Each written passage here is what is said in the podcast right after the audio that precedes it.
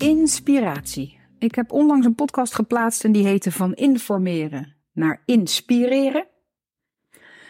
Die kan je terugzoeken, is een paar podcasts geleden. Ging over een pratend wetboek. Ik vond het zelf een hele leuke aflevering. En dat concept van inspiratie, dat is al uh, weer een paar dagen heel dichtbij me. Dus daar wilde ik het nog maar eens wat uitgebreider over hebben in deze podcast.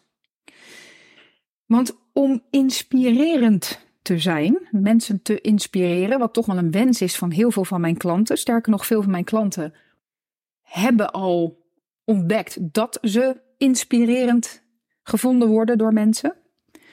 Uh, en dat kan zijn omdat ze al uh, volgers hebben gecreëerd. Het kan ook zijn omdat ze gewoon al 7 miljoen in sales hebben gedaan. Dat zit er uh, allemaal bij. Maar in ieder geval hebben mensen ontdekt: hey, wat ik doe, dat wordt door mensen ervaren als inspirerend. Die willen mij volgen, die willen er meer van weten.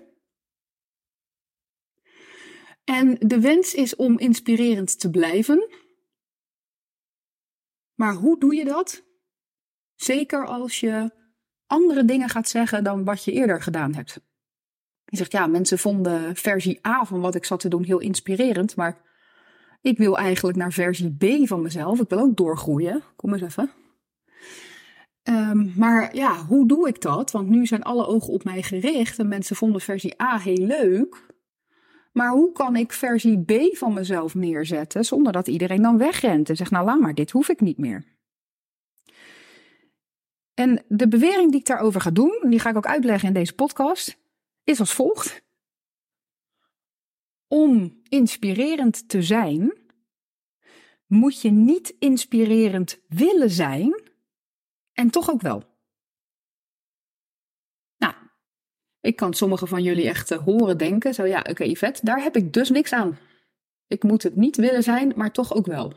Nou, ik ga mijn best doen om dat zo goed mogelijk uit te leggen en ik hoop dan dat je daar wat aan hebt, want ik denk dat je daar iets aan zou kunnen hebben. Ik begin even met uh, schrijfster Elizabeth Gilbert. Voor degenen die haar niet kennen, dat is de schrijfster van uh, onder andere de wereldwijde bestseller Eat, Pray, Love. Er is ook een film van gemaakt met Julia Roberts. Dat werd ook een wereldwijd succes. En ineens waren alle ogen van de wereld gericht op Elizabeth Gilbert. Ze noemde dat zelf de freakish succes. Want ze had het totaal niet zien aankomen. Nou, daar zit al iets in, daar ik zo wat over zeggen. En toen dat ineens zo'n enorm succes werd en mensen dat zo inspirerend vonden. Ze kreeg echt op dagelijkse basis uh, berichten van mensen die zeiden: Door jouw boek, door jouw verhaal heb ik mijn hele leven omgegooid. Nou, over uh, het inspireren van andere mensen gesproken. Maar ze zag dat totaal niet aankomen en ze noemde dat dan ook de freakish succes. En waarom doopte ze dat de freakish succes? Nou, omdat ze zelf al wel begreep, dat had ze zelf eigenlijk heel snel in de gaten. Hier kan ik niet meer tegenop. Ik denk niet dat ik dat moet willen. Want natuurlijk kwam het moment dat ze de opvolger daarvan ging schrijven. En dat ze daar toch redelijk in paniek van raakte, omdat ze dacht: ja, ik heb dit enorme level van succes een keer behaald. Maar uh, ik zie niet zozeer in hoe ik dat nog een keer zou kunnen. En dat snap ik. Dat snap ik. En ik denk dat dat herkenbaar is voor veel ondernemers. Die zetten hun eerste stappen en ze merken het slaat aan. En misschien slaat het wel uh, in zoverre aan dat um, nou, dat je niet alleen wat volgers krijgt, maar ook veel van mijn klanten zijn mensen die daar vervolgens echt hele goede bedrijven mee opbouwen. En dat varieert van um, bedrijven die naar de zes cijfers lopen, tot bedrijven die gewoon bijna 7 miljoen in sales hebben gedaan. En dan komt er het moment dat je merkt, ja, maar ik ben uit mijn jasje gegroeid. En ik wil gewoon door blijven gaan met wat ik voel dat ik te brengen heb. Maar dat is eigenlijk de opvolger van stap 1. Stap 1 loopt nu wel, stap 1 heb ik nu wel. Stap 1 zie ik nu wel, maar ik voel dat ik door moet naar stap 2. En hoe blijf ik dan ook nog inspirerend? Kan ik, daar, kan ik dat wel nog een keer? Gaan mensen wel weer aanhaken? Stort de, de boel niet in als ik met iets nieuws inspirerend wil zijn? Hier komt dat eerste stukje van mijn bewering. Dus als je inspirerend wil zijn, moet je niet inspirerend willen zijn. Ik denk namelijk dat, uh, ik zei al bij Elizabeth Gilbert, hier zit een stukje informatie in. Als Elizabeth Gilbert dat boek was gaan schrijven met het idee dat ze dat een heel inspirerend boek wilde laten zijn, dan was het nooit het succes geworden wat het geworden is. Dat zegt ze zelf ook. Zegt, daar was ik helemaal niet mee bezig. Ik schreef gewoon op wat ik te zeggen had. Het was mijn verhaal. Ik wilde, ik voelde dat ik dat op wilde schrijven. In de eerste plaats voor mij. En natuurlijk uh, hoop je, want daarvoor ben je dan ook schrijver en je ben je dus ook ondernemer voor. Natuurlijk hoop je dat met jouw werk dat je ook iets kunt toevoegen in het leven van een ander. Tuurlijk.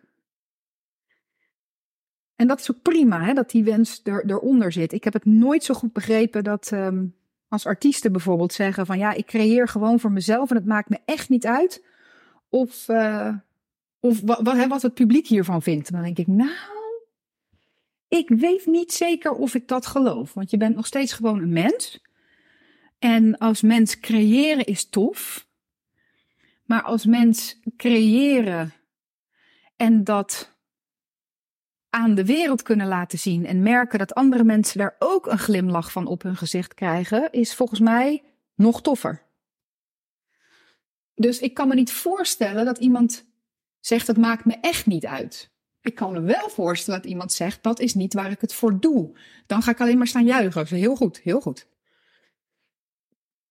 Maar ik denk wel dat je dat, dat, je dat wilt. Elizabeth Gilbert ook. Ik denk niet dat zij Eat, Pray, Love is gaan schrijven met het idee van: nou, als ik dat maar opschrijf en um, dan gaat het de kast in en niemand ziet het ooit, dat dat oké is. Denk, denk niet. Maar goed, dat zijn aannames. En misschien zit ik ernaast.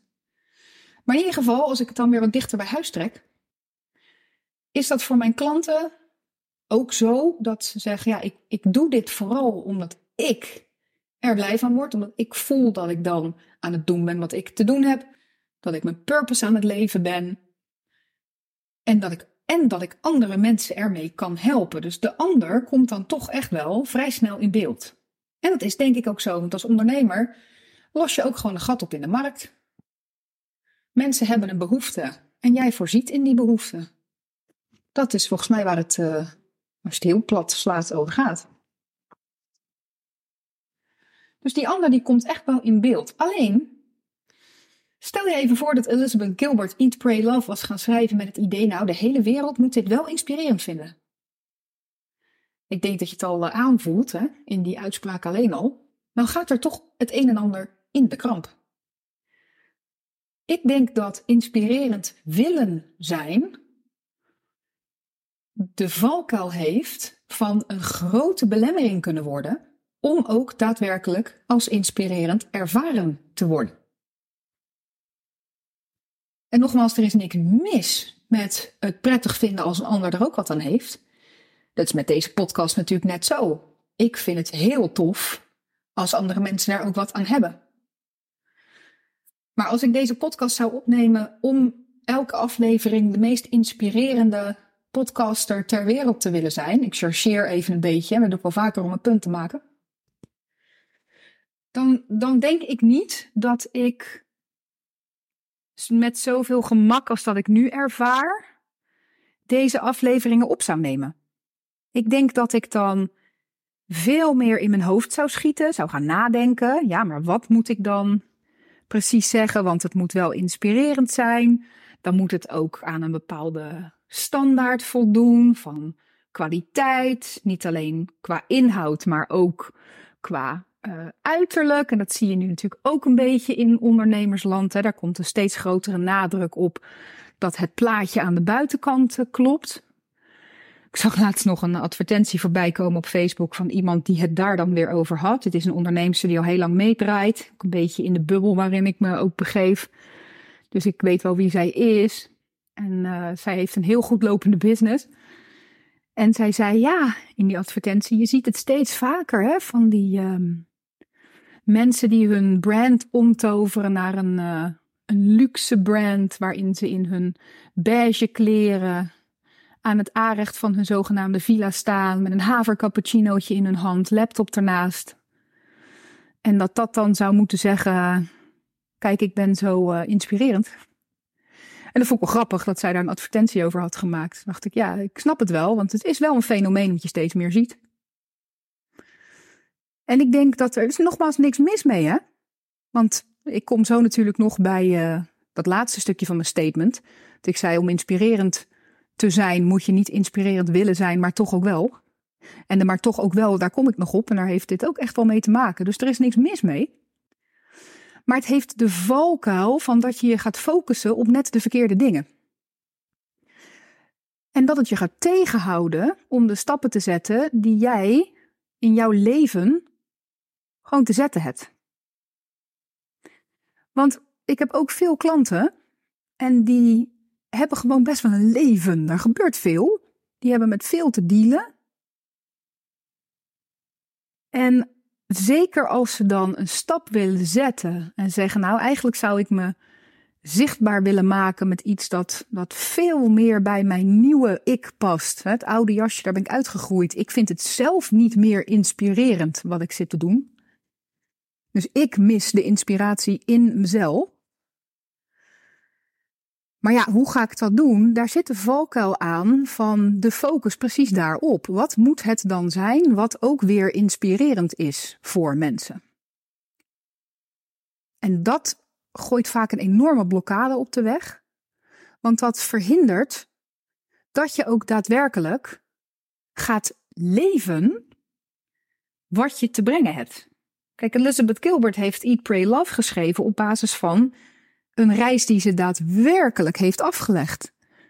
Eerst die reis, toen het verhaal. En volgens mij is dat ook uh, wat de eerste stap zou moeten zijn. Als je zeker wil weten dat jij het leven aan het leven bent wat jij te leven hebt, is dat je dat dan ook voorop zet. Dat je niet in de valkuil trapt van voorop willen zetten wat inspirerend is of niet is voor een ander, want dat weet je toch niet. Je weet het niet. Er zijn mensen en die vinden datgene wat ze te zeggen hebben het meest inspirerend van de hele wereld en er komt niemand op af. En er zijn mensen en die hadden er eigenlijk helemaal nooit op stilgestaan dat dat wat ze deden wel eens inspirerend zou kunnen zijn voor andere mensen. En dat wordt een wereldwijde hit. En ik denk dat die factor van het niet doen om inspirerend gevonden te worden. En let op de nuance daar, hè, dat ik expres niet zeg inspirerend te willen zijn, maar inspirerend gevonden willen worden. Ik zei het al eerder in deze podcast. Inspirerend is vooral iets wat bij de ontvanger Iemand vindt iets inspirerend.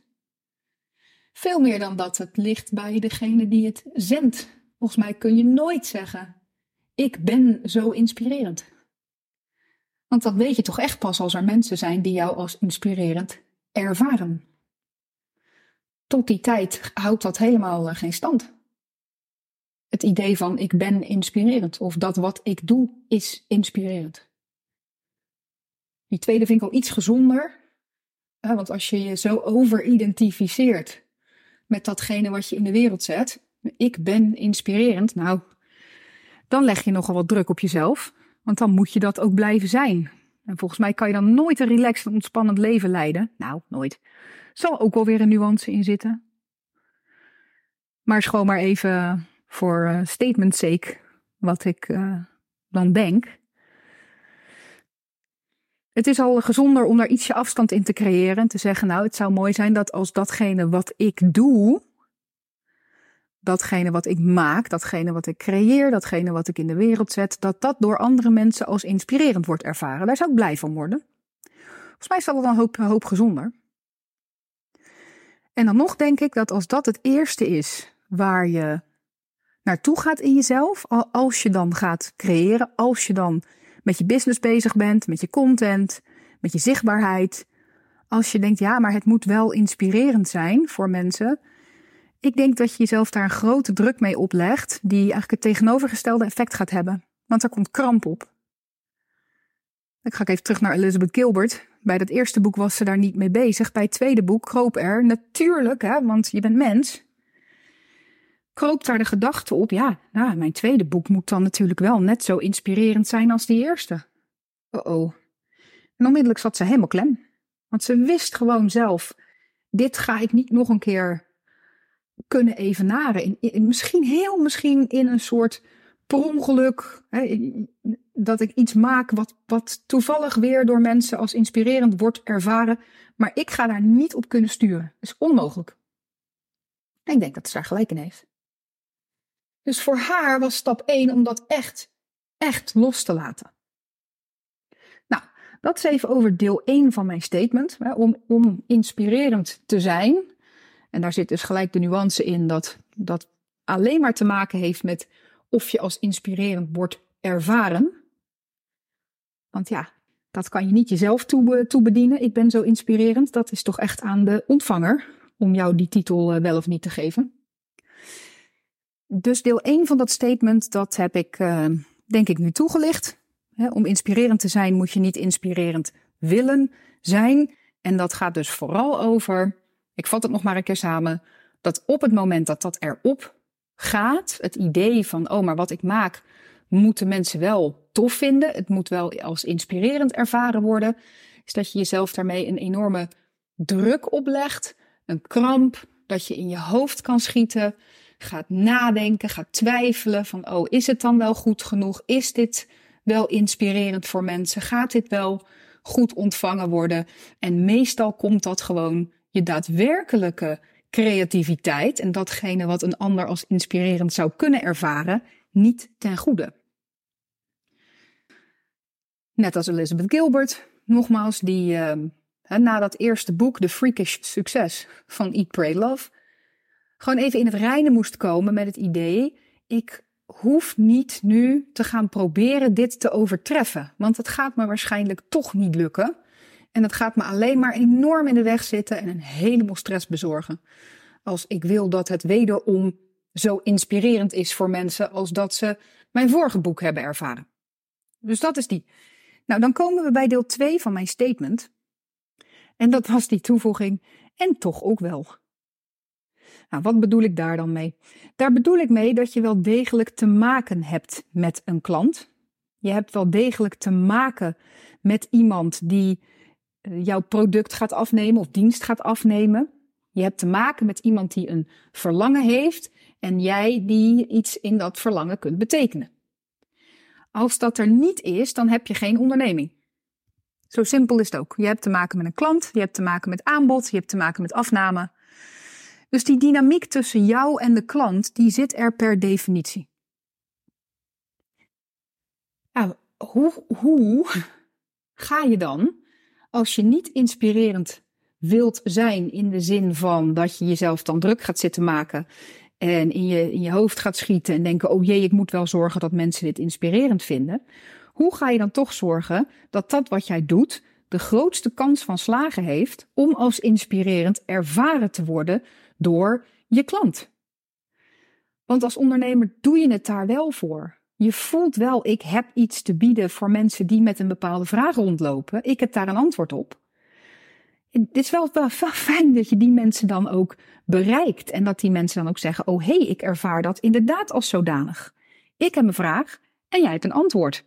Laten we eens met elkaar in gesprek gaan. Hoe zorg je dan toch dat er daar een dynamiek ontstaat die de kans van slagen het grootst maakt dat jij voor deze klant iets mag gaan betekenen? Nou, dan komen we aan uh, bij waar ik heel veel van mijn klanten mee help. En dat begint vaak met een opmerking die luidt als volgt. Dan zeg ik tegen mijn klanten: ja, als je een inspirerend verhaal wil vertellen, dan moet je wel wat te zeggen hebben. Wat bedoel ik daarmee? Als je inspirerend wilt overkomen, dan moet je een energie meebrengen die mensen als inspirerend kunnen ervaren. En welke mensen vinden wij het meest inspirerend? Zijn de mensen met een interessant levensverhaal. Niet gewoon met een interessant verhaal, maar met een interessant levensverhaal.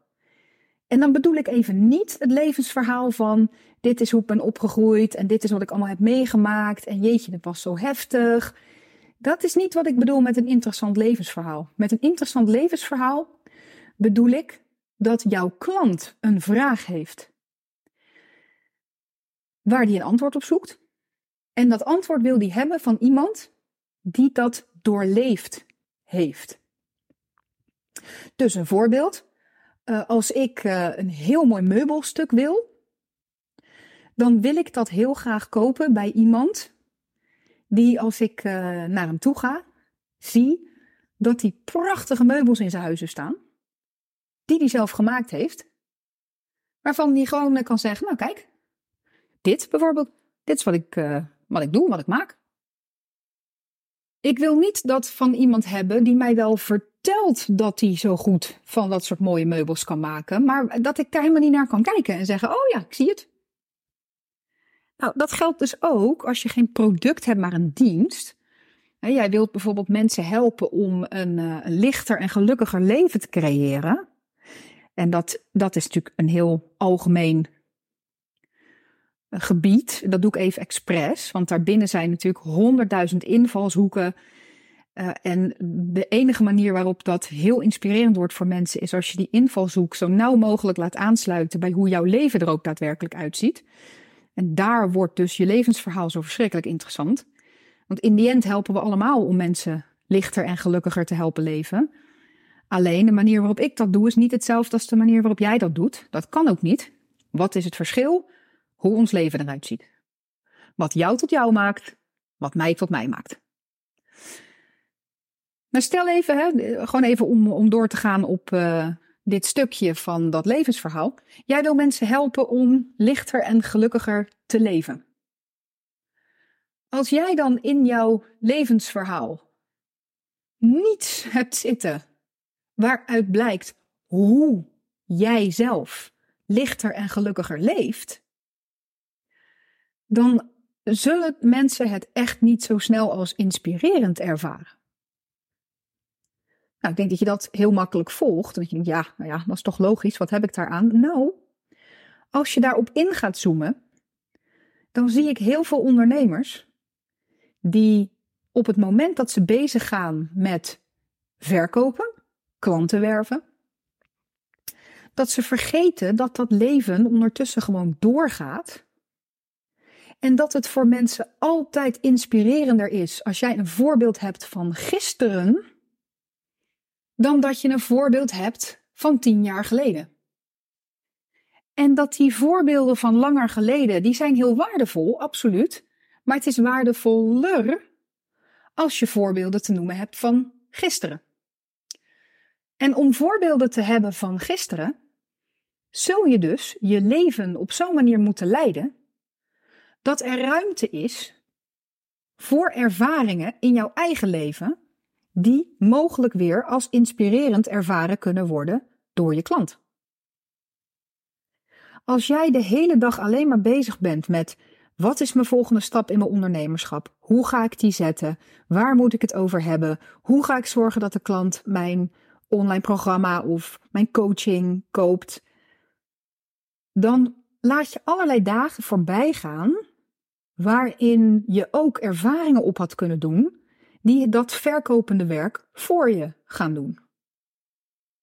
Want wanneer je daarover gaat vertellen, wat jij dan gedaan hebt op dat vlak waar je ook een ander mee helpt, dan ga je krijgen dat mensen zeggen: Aha, jij hebt dit doorleefd, jij weet waar ik het over heb, dus bij jou kom ik dit stukje ontwikkelen in mezelf.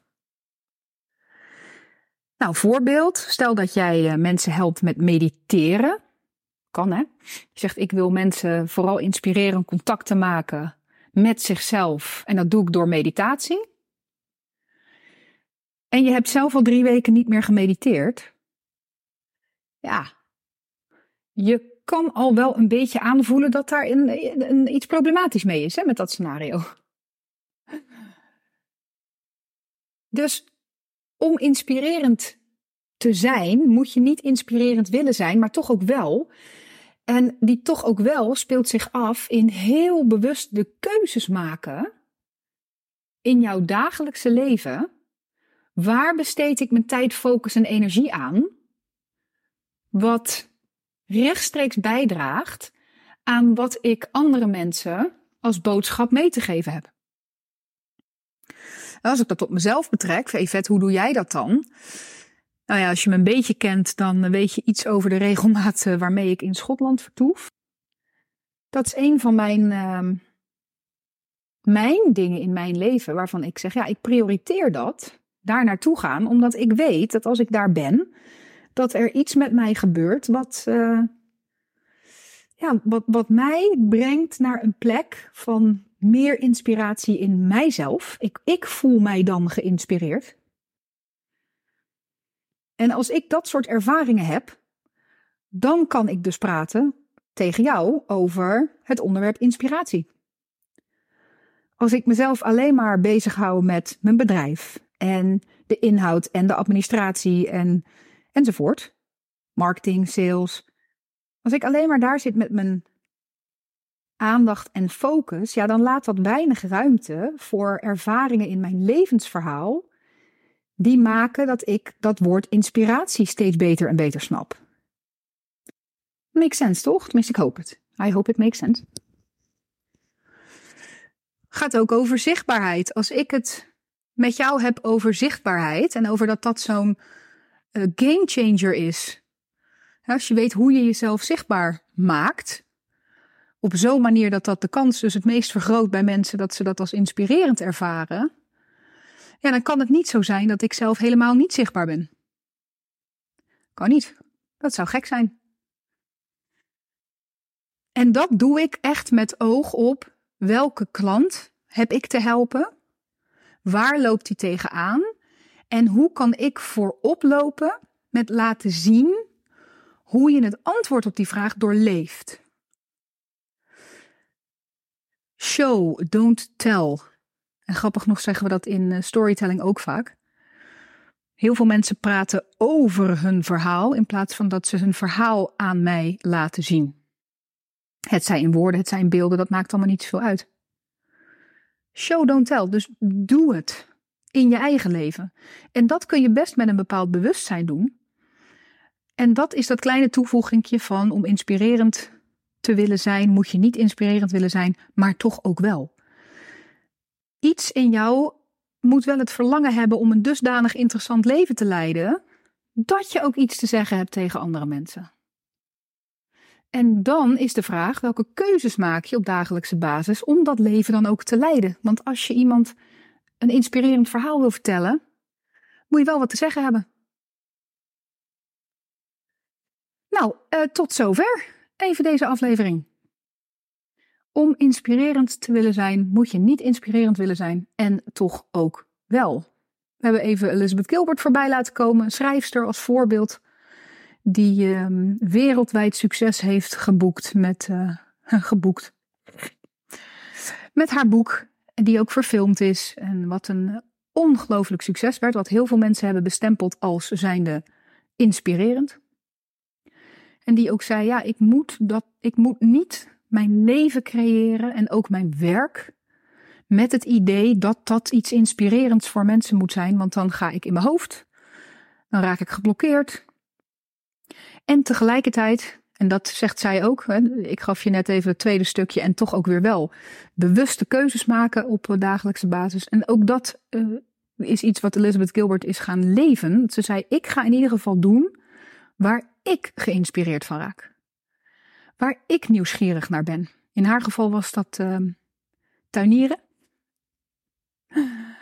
Ja, ze had nog niet per se voorzien hoe tuinieren zou kunnen leiden tot iets wat de halve wereld gaat inspireren. Maar dat hoefde dus ook niet. Zij mocht van zichzelf, en dat hoop ik dat je haalt uit deze aflevering, dat je van jezelf weer wat meer mag leven. En wat dat dan ook is, hè, als dat tuinieren is, is het tuinieren. Maar dat je mag leven. En als je het bewustzijn erop hebt, hoe jij iemand anders helpt, wat het is wat jij doet.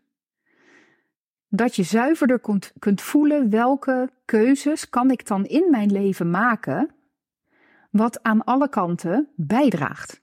Bijdraagt in eerste plaats voor mij, zodat ik zelf kan zeggen: ik voel mij echt geïnspireerd, ik, ik leid een geïnspireerd leven.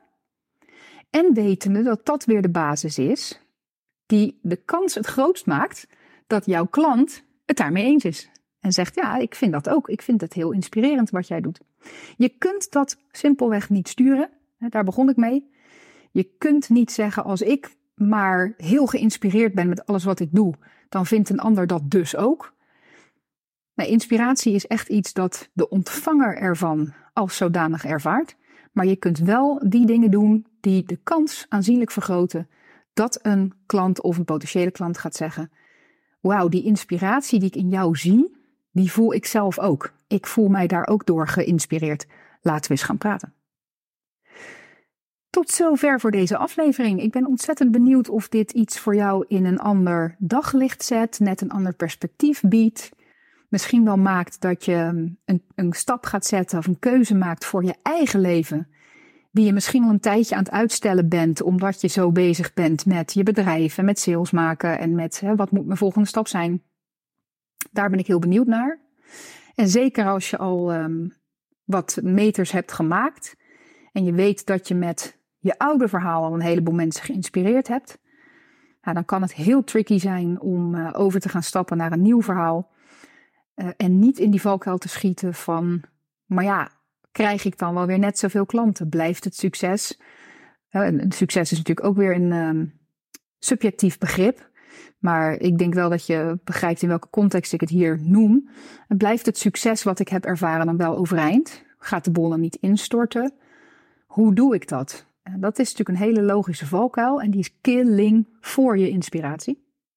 Dus ik ben benieuwd of deze aflevering daarvoor iets in, uh, in perspectief zet. Als je wil weten hoe ik jou zou kunnen helpen om eens te kijken hoe dat bij jou zit, met welk, welk oud verhaal wat inspirerend is geweest, hou je misschien nog in stand terwijl er van binnen iets in jou zegt, ja, ik, ik ben zelf eigenlijk niet meer zo geïnspireerd. En ik wil dat dat vuurtje weer veel harder aangaat. En het zou mooi zijn als ik daarmee ook weer andere mensen kan gaan inspireren. Als je benieuwd bent hoe ik je daarbij zou kunnen helpen, let me know. Er is momenteel plek in eh, een groep, een prachtige groep van ondernemers die een half jaar tot een jaar echt in het teken zetten van die inspiratie weer ten volle terugbrengen in wat ze doen, wat ze communiceren, in hun marketing, in hun aanbod en in hun leven, in dat fundament. Daar is plek, dus als je denkt, nou, ik voel wel uh, een stukje inspiratie, in mijzelf om dat gesprek eens aan te gaan. Aarzel niet en neem even contact met me op. Dat kan via de socials, kan via e-mail. Links daar naartoe staan in de show notes bij deze podcast. Voor nu wil ik je heel hartelijk danken voor het luisteren en ik hoor je heel graag weer een volgende aflevering. Tot dan, doei doei!